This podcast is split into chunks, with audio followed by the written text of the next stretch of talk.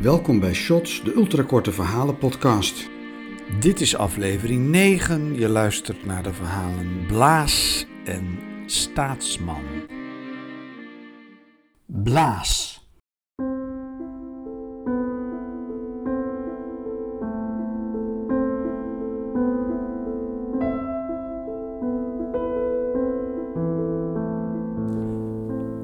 Charlene's blaas voelt alsof iemands hand er de hele tijd in knijpt.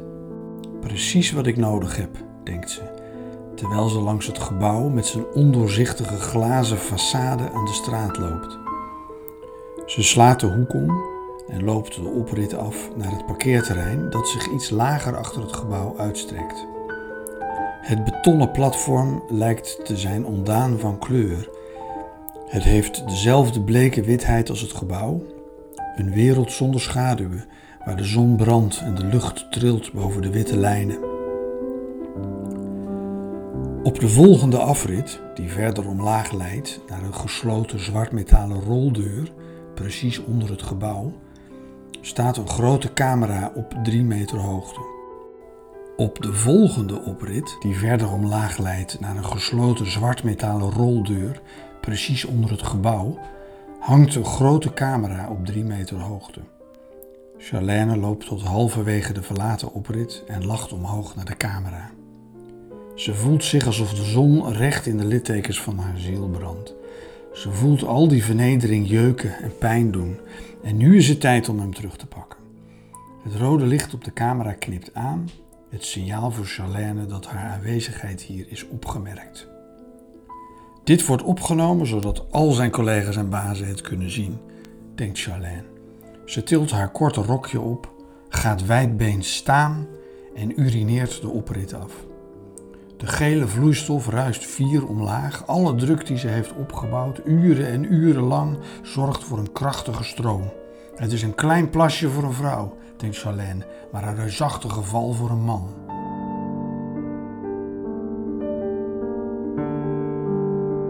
Staatsman.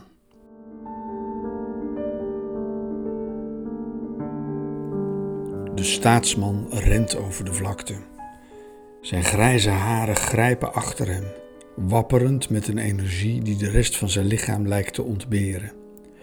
Om de haverklap wankelt hij, als gevolg van een misstap, en komt daarbij soms ook ten val, om vervolgens haastig en bemodderd weer op te krabbelen achterom te kijken naar de achtervolgende meute, ergens halverwege hem en de silhouetten van de hoogbouw van de hoofdstad aan de gezichtseinder. De afstand tot de steenwoestijn groeit. De afstand tot de meute krimpt. Kreten dringen steeds luider tot hem door. Na elke val vervolgt hij haastig zijn weg, maar de versierselen die bij zijn ambt hoorden, glimmen niet langer op zijn jas. Als hem duidelijk wordt dat de meute hem nu snel zal inhalen, geeft hij zijn vluchtpoging op. Stilstaand met zijn rug naar de stad en de mensenmassa, maakt hij een lichte buiging en heft dan de handen ten hemel. Precies op dat moment worden aan de horizon de eerste contouren zichtbaar van wat binnen enkele minuten aanzwelt tot een zandstorm, een muur van razernij die hem net iets eerder bereikt dan de mensenmassa en hem opslokt.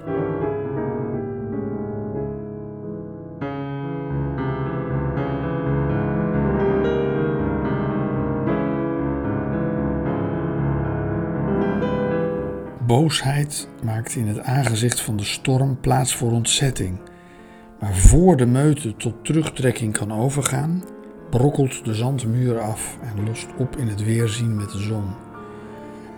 Nog geruime tijd staan mensen de lege vlakte over te turen, zonder begrijpen, tot zij onverrichte zaken huiswaarts beginnen te keren, ten einde de eerste steen te gaan werpen richting een geschikte opvolger, of misschien alsnog bloed te vergieten.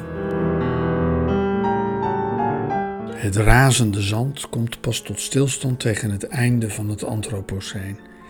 De resten van de stad, uitgebreid in alle richtingen, slingeren vloeken van verweerde graffiti. Van mensen is niets meer te bespeuren, hoewel de staatsman wel stemmen hoort in de verte. Hij staat midden op een autosnelweg waarop een paar roestkleurige wrakken van auto's rondhangen. De lucht kleurt oranje door het wegebben van de zandstorm die hem hier achterlaat. Dit is weer het andere uiterste, denkt de staatsman. Haastig ontdoet hij zich van de linten en medailles die hem zouden kunnen verraden aan de laatste mensen in dit restant van de tijd.